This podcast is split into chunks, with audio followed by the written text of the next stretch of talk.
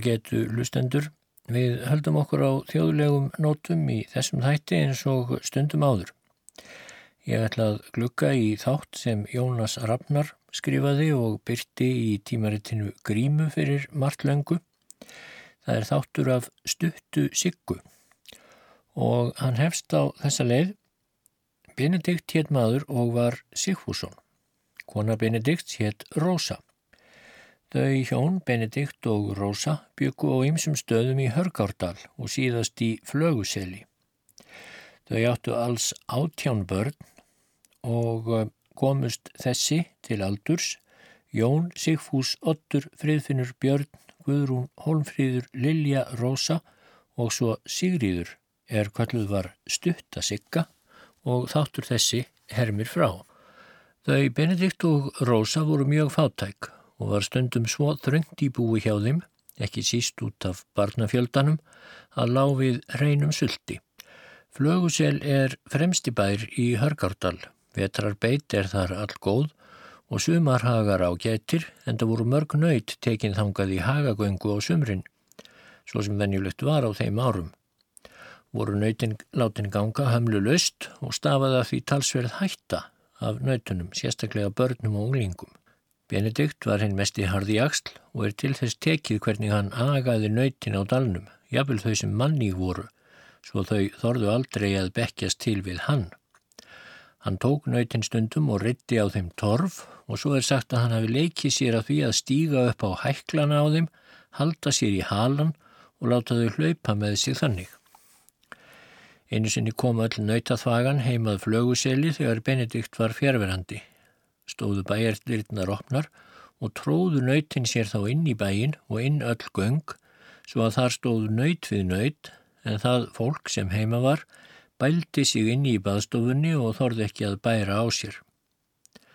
Í þessum svefum kom Benedikt að, stökk umsvefa löst upp á hryggin á því nöytinu sem fremst var í bæjardýrunum, skreið svo á nöytarhyggjunum inn eftir göngunum og komst þannig inn fyrir hinn á óbáðunu gesti tókst honum síðan að rekja þá út eftir langa og harða viðregn.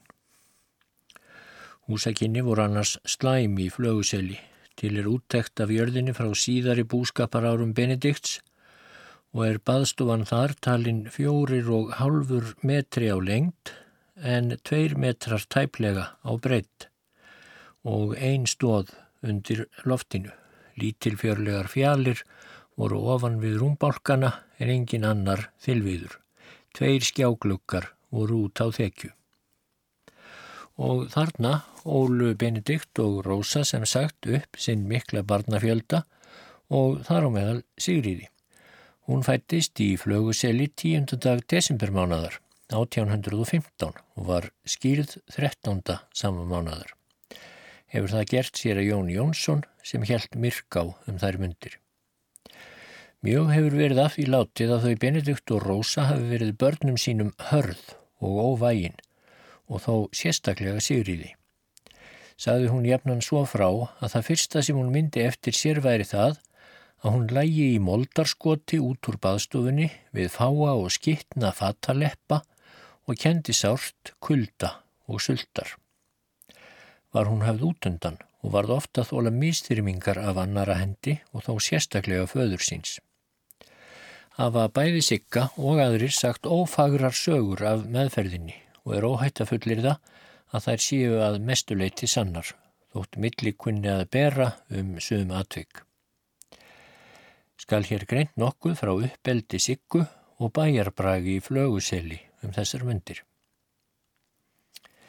Einu sinni voru þau hjónin að heiskap með börnum sínum fram með á dal fyrir framann byggð, var það síðsumars og vinnu ekki hægt fyrir nýmirkri.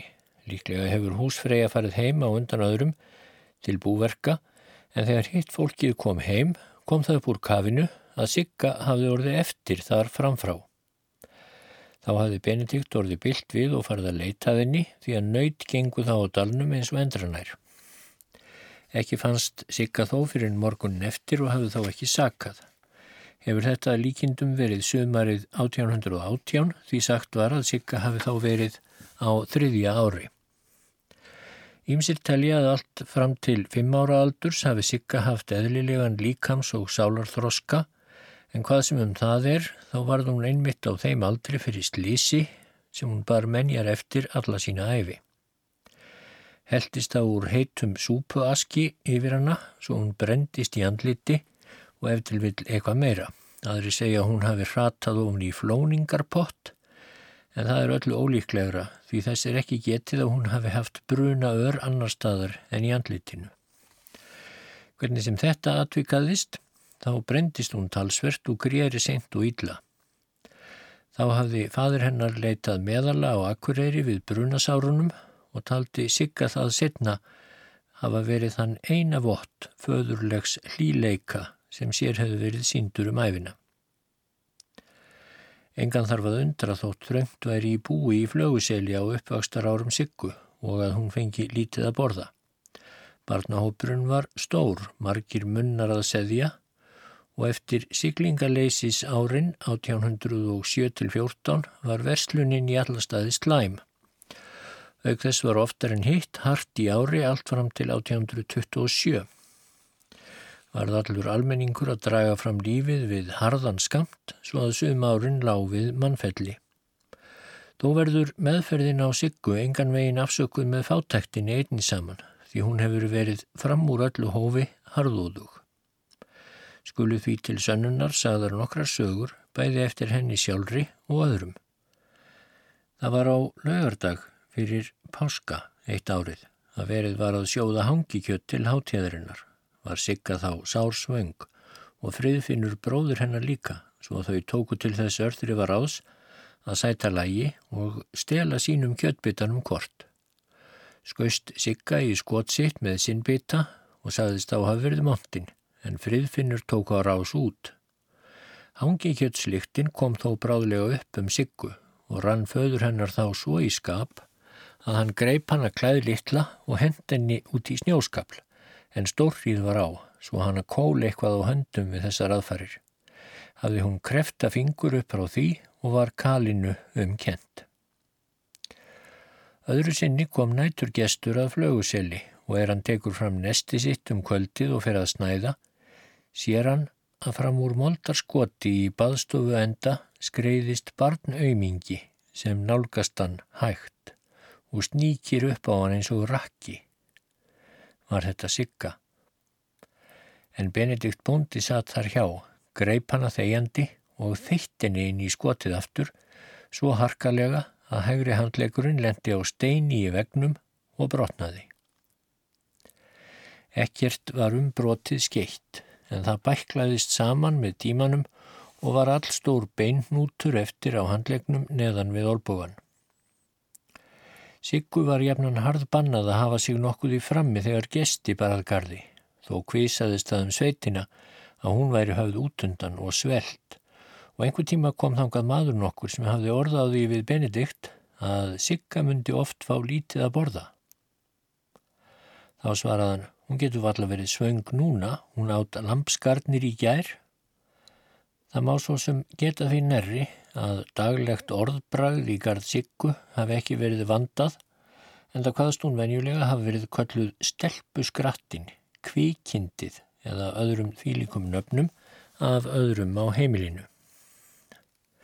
Sumir hafa sagt og þóst hafa það eftir Siggu sjálfri að hún hafi ekki hýrt skýrnarnafn sitt fyrir hún hafi verið komin yfir tvítugt en þá hafi repstjórun gert sér ferðað flöguseli, sannfærst um hinn að yllu meðferð á hanni og tekið hann að burta af heimilinu svo hún hafi ekki áttangað eftirkvæmt.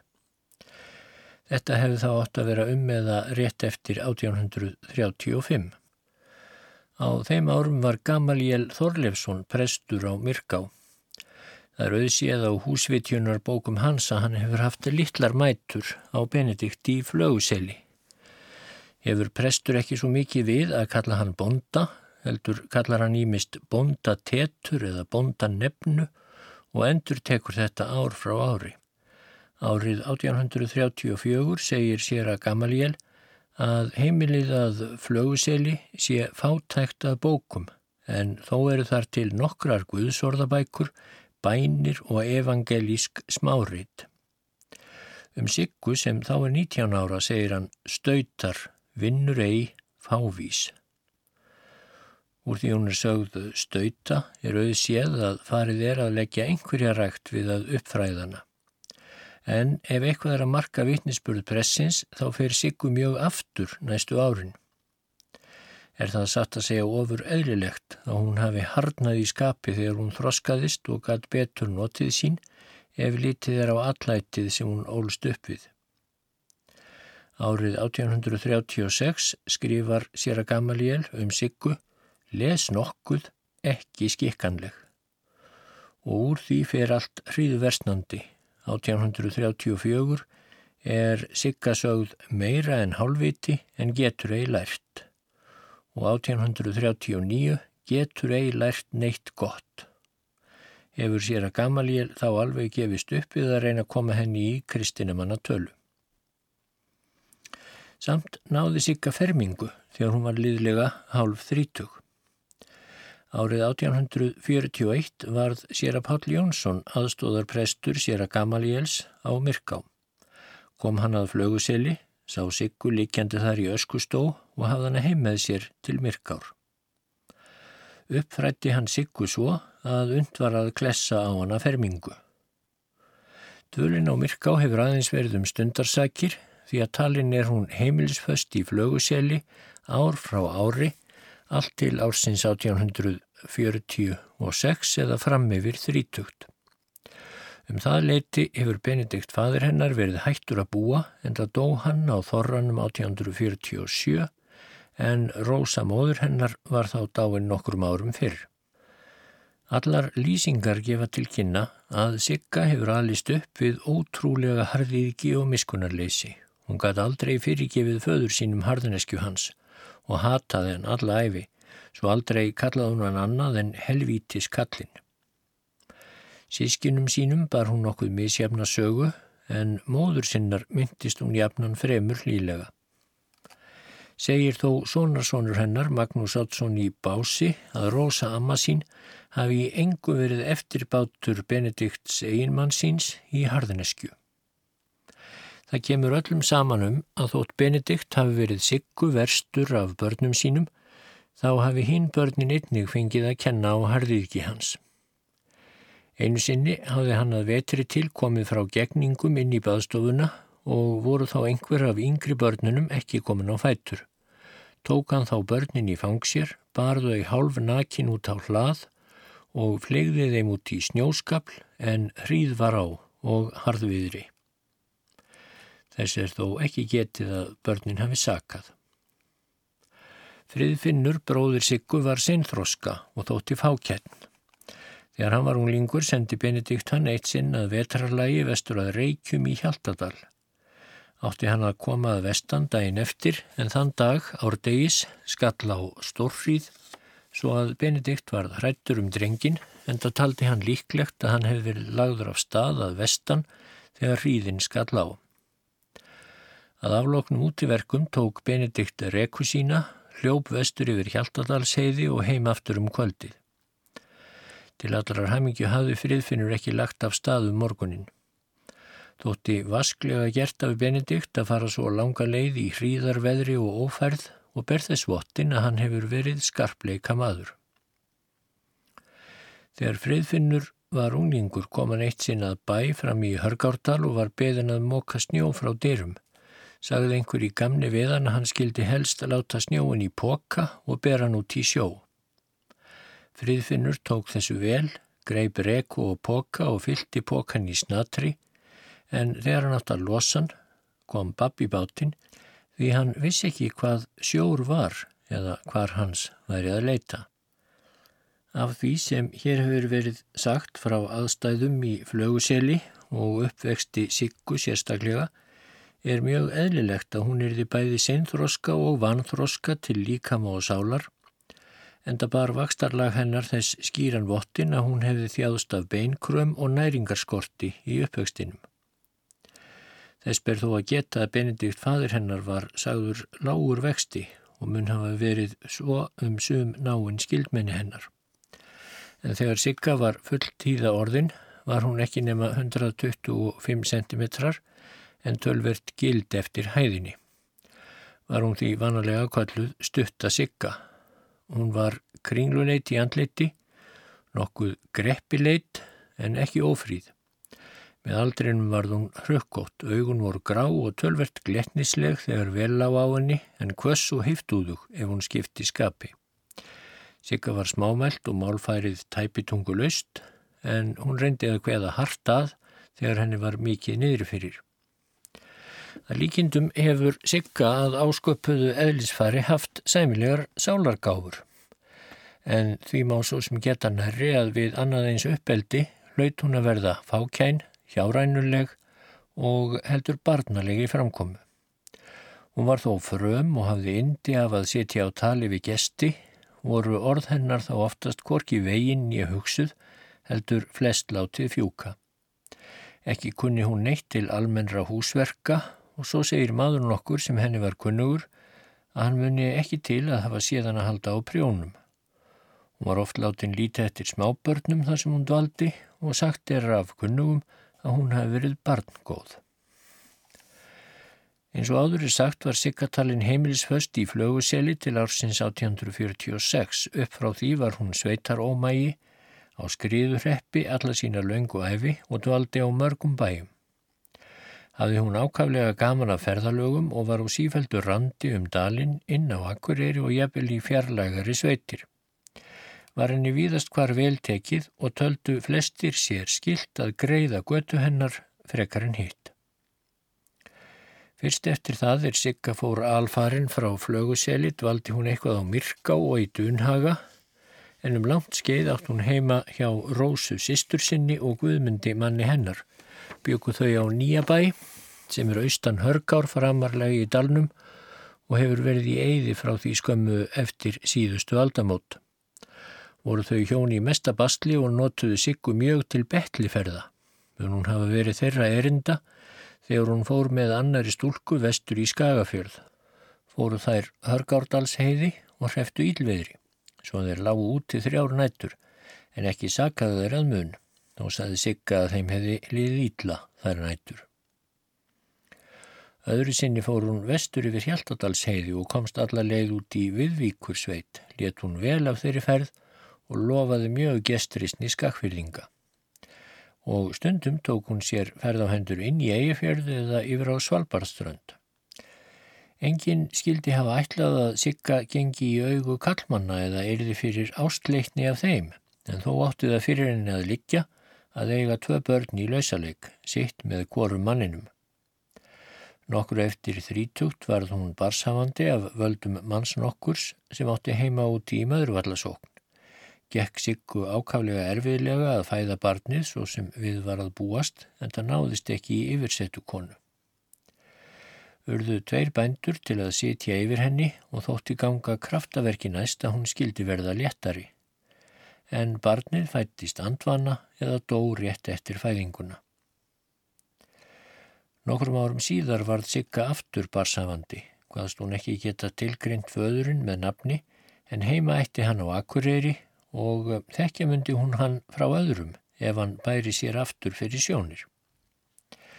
Kom Sigga hart niður að sveinbarni sem skýrt var Kristján Magnús. Þetta var árið 1853. Eftir barspurðin var Sigga kalluð fyrir rétt af Akureyri því feðrað þurfti barnið. Stefán Tórannesens íslumadur tók það ráð að smala saman í einn hóp öllum þeim kallmönnum á Akureyri er líklegir þóttu til faðurnisins. Stóð Sigga við opin glugga en mennirnir voru látnir ganga fram hjá í röð. Þá benti Sigga á einn þeirra og mælti reykinn. Þarna kemur hann, anskott hans beinið að tarna. Meðkendi maðurinn síðan fúslega faðurnið og fór Sigga heim við það. Fóstraði hún són sinn sjálf og var honum góð og sínd honum þá alúð sem hún hafi veit til en gæta þurfti þess að hún afæti hann ekki þegar enginn sá til. Drengur þessi dóur landfarsótt, þryggja eða fjögur að vetra gammal. Tók Sigga sér sonarmissin svo nærri að hún varð þvínær störluð og varð litlu eða engu tauti við hann að komið fyrst á eftir. Þó sefaðist hún er fráleið og tók aftur gleði sína. Barnignir sínar taldi sigga sér til gildis og þóttist meiri manneskja eftir en áður. Það var algengt að ókunnugir menn voru að förða sig á því upp í opið geðið á henni hvað lítil hún væri. Þá var hún vön að svara snúðugt, ég gæti þú ótt barn. Allt fram á elli ár var Sigga talsvert smá skrítin og hafði gaman af að stríða öðrum og rekja þegar hún sá sér færi, var þá þó allt í meinleysi af hennar hálfu. Sjálf þóldi hún illa stríð stökk þá upp á nefsir og varð ákaflega kvassirt og let óþvegið fjúka bæði klám og ragn. Stundum gatt hún líka verið meinirt í svörum og ertin í tiltektum. Þegar Sigga var í auðbrekku hafði hún þann starfað reka kýr í haga en til að stýtta sér leið tók hún upp þann síð að reka þær yfir engjablett sem heyrði til hátúni sem var næsti bær. Bóndanum þar sem gísli hétt mislíkaði mjög þetta hátalag Siggu og ámálkaði oft við hann að hætta því en hún skeitti því engu og svaraði íllu til. Einu sinni sem oftar varð gísli þungorður við hann út af þessu en þá snýr hún baki við honum, skvetti pilsinu fyrir setjandan, rak höfuðið niður á milli fótassér og kallaði líti í speilin gísli minn. Þar var til að geta þess að Sigga var buksnalös. Sigga var sólgin í áfengi og varð ofsakátt og fram úr hófi málug ef hún fekk að bragða það svo að nokkru næmi. Hafðu sumir gaman af að gefinni staup og láta hann að rausa. Eru eftir henni höfðu ímis klúr ummæli um badnignir hennar en að því þau eru vafalítið sögð í ölfun er ekkert marka á þeim takandi. Einu sinni kom Sigga inn í höfnersverslun á Akureyri og hitti Jónasen verslunarstjóra. Bað hún hann að selja sér brennivín á pelaglas en hvaðst þú ekki vita hvort hún ætti nóg fyrir því. Fór hún að rekja sundur druslu böggul sem hún hafði meðferðis, tók innan úr honum lítinn trésstokk með eineiring í og rétti Jónasinn. Fyldi hann pela kerlingar og let hann að frá sér fara með hann og einseiringin líka. Þá var Sigga hróðug og þóttist hafa gert góða verslun. Þegar Sigga var komin á sjötúsaldur langaði hann að mjög að ferðast til Siglufjörðar og beiti í sig að heimsækja Snorra Pálsson Veslunarstjóra. Tald hún sig hafi verið fóstru hans þegar hún var á Myrká hjá sér að Páli föður hans. Gerð hún ítrekkaðar tilraunir til að komast hangað út eftir en var jafnan snúið aftur við af Sigfúsi Bergmann, repstjóra í Fagraskógi. En svo bara við eitt haust að Sigfúsi var bóðið í brúðköpsveislu að Siðri bakka og sætti þá siggafærinu, lagði af stað í skyndi og komst heilu og höldnu landveg allarleið til Siglufjörðar.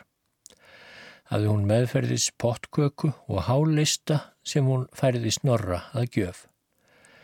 Fekk hún hinnar bestu viðtökur á Siglufjörði, dvaldi þar í góðu yfirleitu um veturinn og hvaðst aldrei hafa átt betri daga en þá, en það var Snorri Pálsson viðurkendur fyrir valmennsku sína og gestrisni.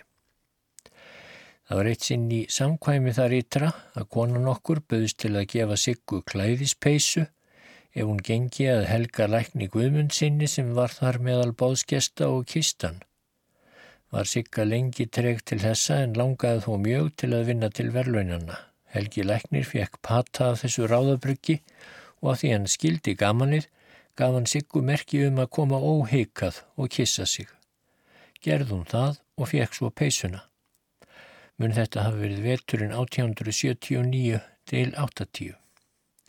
En um vorið var Sigga svo send sjóliðis til Akureyrar aftur.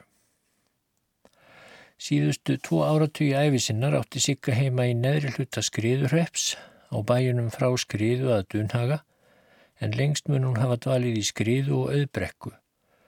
Hún var yfirleitt helsugóð, varð sjaldan eða aldrei mistægurt en þegar hún tók fast að eldast var hún amalind og þóldi ítla allar mótgerðir.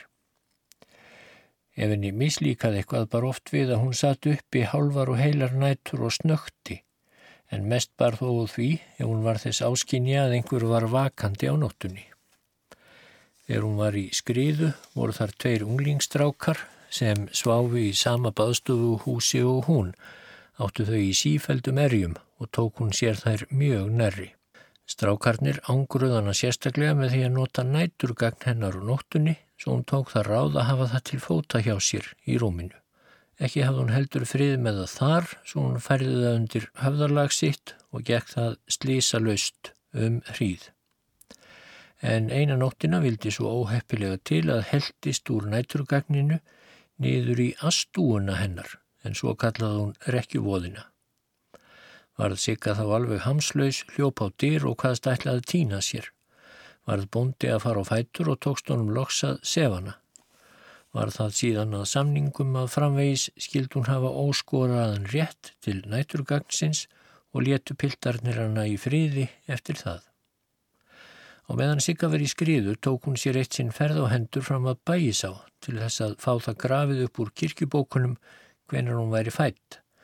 Nokkru síðar var svo haldið upp á afmæli hennar og bóðið til nokkurum nágrunum. Glatt var á hjalla og sigga í sjöunda himni af kæti því ímislegt smávegis fekk hún að gjöf. Hvað hún það vera fyrsta afmælistægin sinn. Um líkt leiti var tekin ljósmynd af siggu og tókst hún vel og er allvíða til. Ekki mygtist hugur siggu til föður síns við árin og aldurinn sagði hún svo að margir heyrðu að sama væri sér hvar hún væri jörðuð eða væri ekki hjá helvítinu honum pappa. Síðasta árið sem hún lifði var hún í hólkoti hjá hjónunum Sigtryggi Sigursinni og Guðrúnu Jónsdóttur. Hún lág aldrei í kör, en í páskavíkunni árið 1900 fekk hún influensu og andaðist á páskadag 15. apríl á meðan verið var að lesa húslesturinn var Sigga þá á 85. aldursári.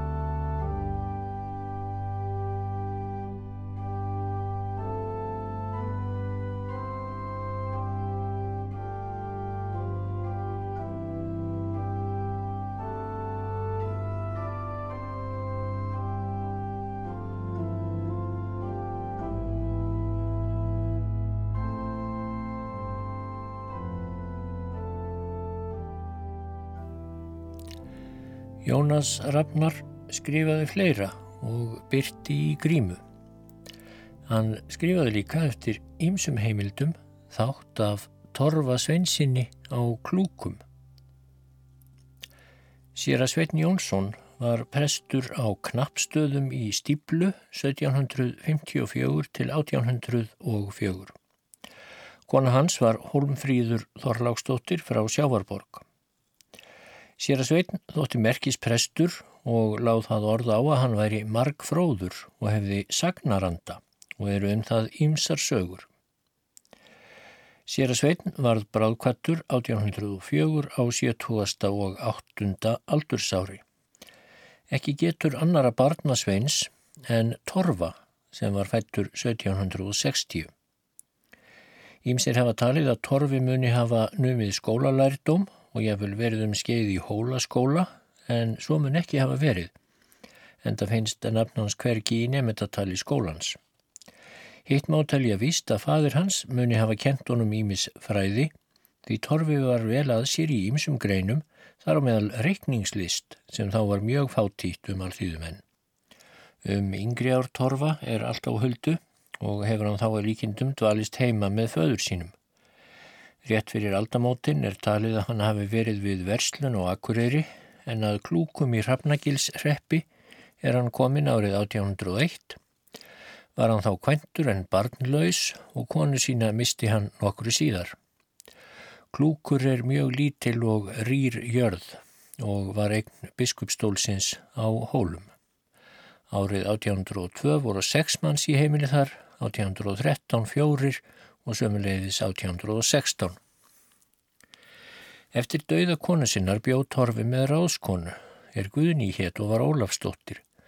Hafði hún sóst mjög eftir að giftast Torfa og var það úr að þau gengu í hjónaband haustið 1824. var hann þá 64 ára en hún 52. Byggu þau svo á klúkum til Vors 1833 en fluttu þá að árgerði í Sörbæjarreppi og voru þar í húsmennsku þanga til Torfi dó en ekki hans lifði nokkur ár eftir það. Torfi Sveinsson var djúpikinn maður og fjölfróður, engum í ættvísi, fengu margir ættartölur sínar hjá honum og að honum látnum fundust ímsar merkar ættartölubækur er hann hafi ritað. Hann ritaði einnig upptalsvert af sögum og rýmum og mun eitthvað af þeim en vera til í eigafyrði. Torfi var maður vinsæl, stiltur í fasi og einstakt ljúfmenni.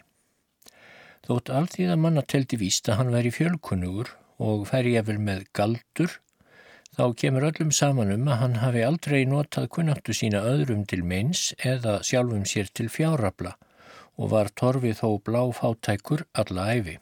En margir urðu til að víkja góðu að honum því oft leisti hann vandræði þeirra er til hans leituðu. Þjófum og óknittamönnum stóð talsverður geigur af torfa. En þó vildi hann aldrei nafngreina þá menn sem hann vissi að stálu. Let hann sér oftast næja að gefa þeim á einhvern hátt í skín að sér væri kunnugt um aðtæfi þeirra og kusu þeir vanalega þann kostin að skila þýfinu í kyrþau. Einn saga um uh, afskipti torfa af þjófnaðarmálum, hún ber heitið Græni kúturinn og er svona. Friðrik er maður nefndur, sunnlenskur að ætt. Hann var vinnumadur í kvassafellið að dalskerðum. Hann átti þryggjapotta brennivinskút, græn málaðan með eirgjörðum. Þótti Fridriki A var væntum kútin og taldi hann með fjö en það voru brennivinskútar sjaldan svo vandlega girtir. Það var eitt sinn rétt fyrir sumarmálað Fridrik brá sér í kaupstað, hafðan kútin með sér og hugðist að taka á hann til gladnings á sumardaginn fyrsta voru allmargir framfyrðingar í förunni, í kaupstaðnum tók Friðrik á kútin, let hann hjá öðru dóti sínu en vek aftur eitthvað frá. Þegar hann vitiði dótsins aftur var kúturinn horfin. Leitað hann lengi en það þótt hann þetta slemt. En allt kom fyrir ekki og Friðrik var að fara heim við svo búið. Dægin eftir gekk Friðrik hins vegar ofan að árgerði til fundar við Torfa tók hann með sér feitan sögðarmagál sem hann átti því hann vissi að þröngt var í búi hjá torfa um þær myndir. Hafði hann magálinn í nakkpoka, gekk fyrst að fjárhúsi í árgerði, lagði pokan í gardahöfuðið og gekk svo til bæjar. Hitti hann torfað máli, tjáðunum frá kútkvarfinu og bað hann blessaðan að hafa upp á þjófnum. Torfi tók því sinnlega hvaðst ekkert geta gert í því efni og eitt í því tali en bauð Friðriki inn til að þykja góðgerðir. Þáði Friðrik bóðið og gekk til baðstofu, var torfi venju fremur döfur og þunglindur og þóttist Friðrik vita að heimilisástaður myndu valda því. Hugsaðan sér þá að gefa torfa magálinn þótt ekki vildan verða við bónans. Þegar Friðrik hafði þegið góðgerðir, genguðir aftur út á hlað og segir þá Fridrika sig langi til að líta á hrút í húsið því þar sem magálspókin lág.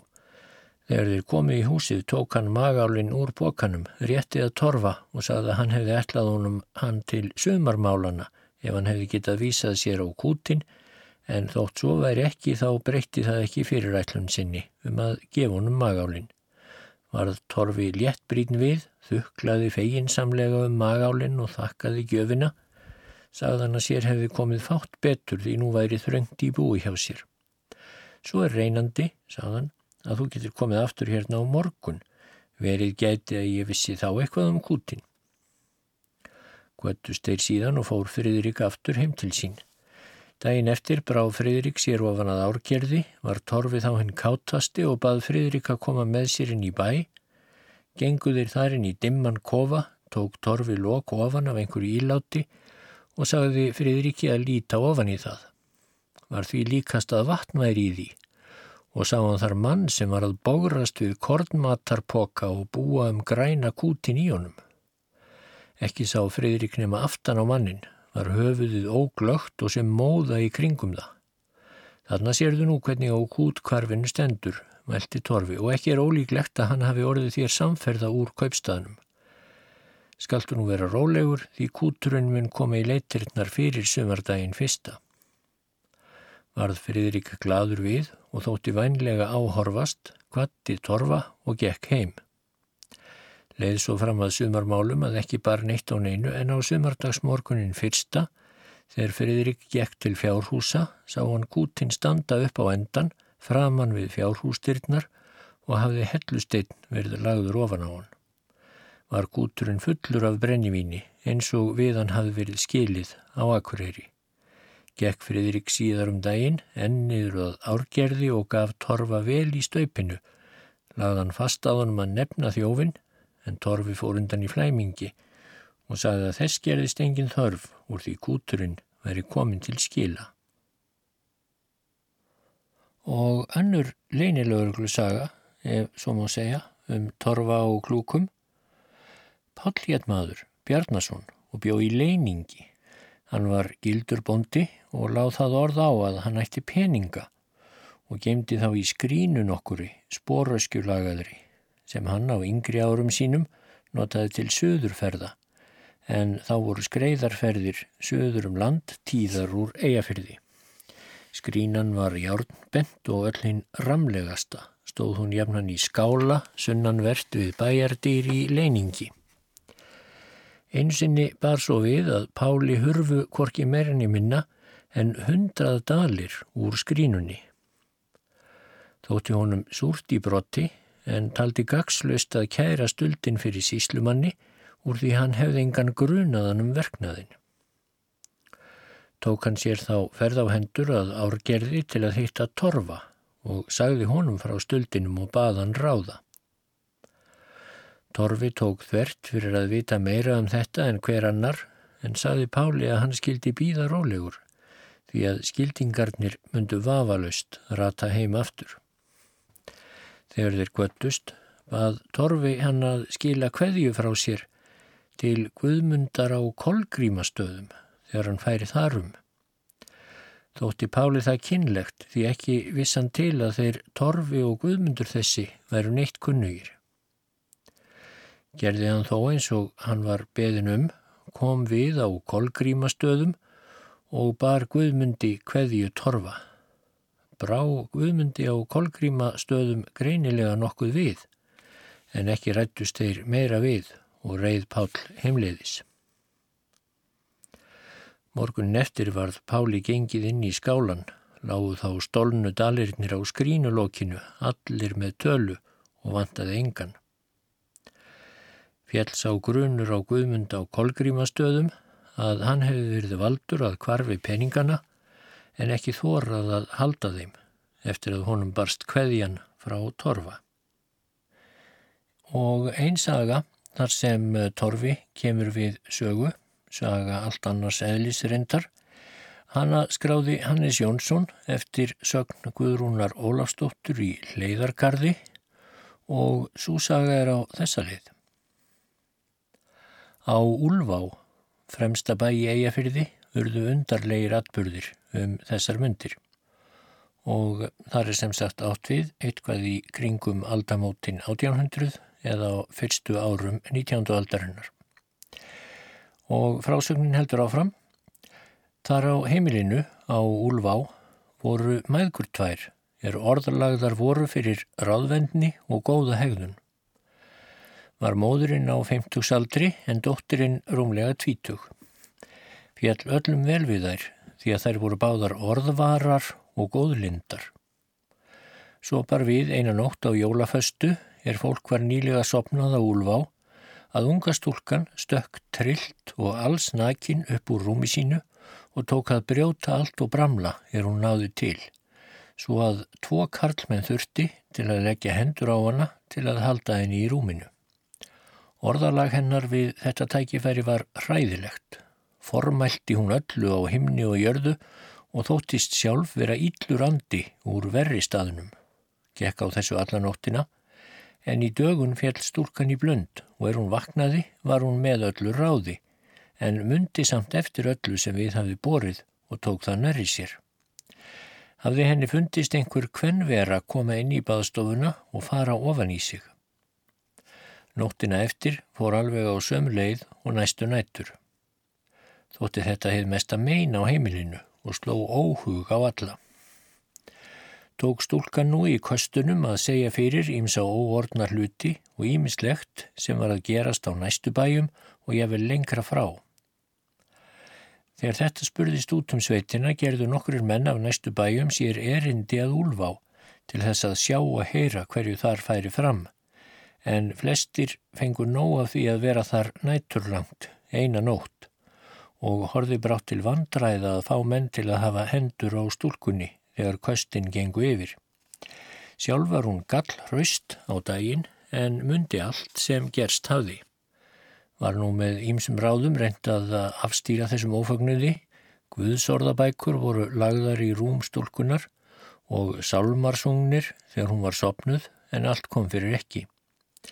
Sopnaði hún ættið í sama mund og reyndist ókleift að haldinni vakandi, hverra bragða sem leitað var.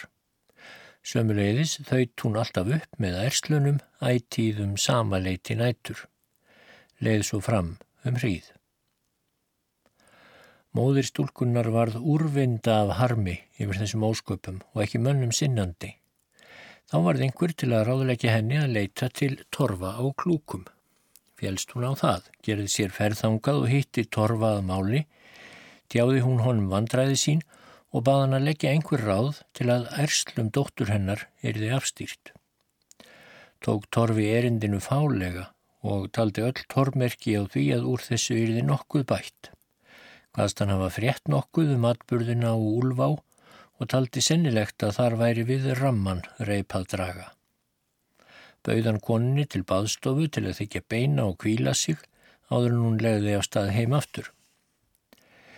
Þáði hún bóð hans og fylgdi torfi henni inn en gekk undir eins fram aftur og sá konan hann ekki fyrir hún hafi þegið góðgerðir og var að tíast til ferðar.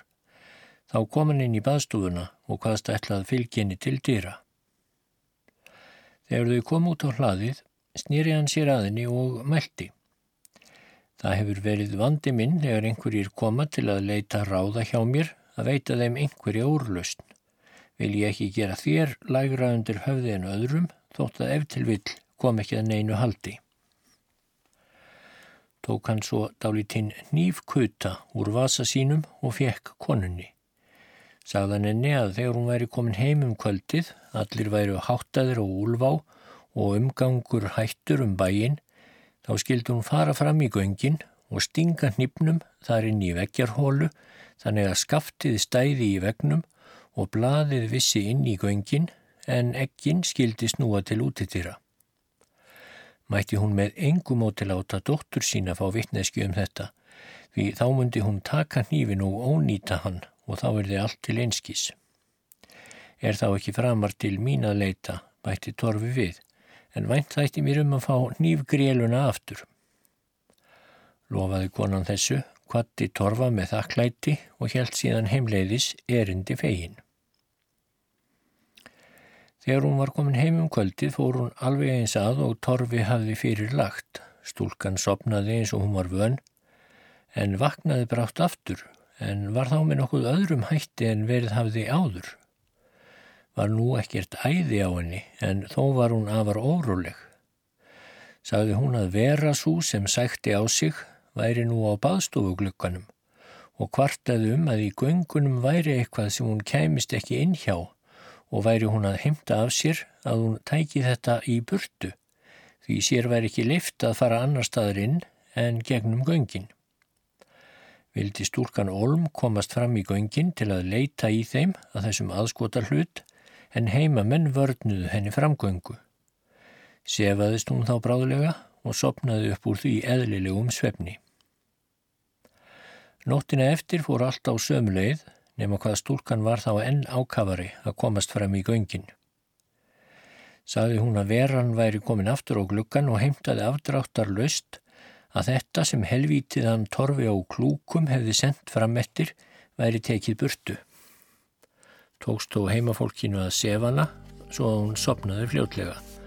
Næstu nætur á eftir bar enn á hinnu sama en þó alltaf minna og minna eftir því sem lengra leið og að lokum hættu allar ásóknir.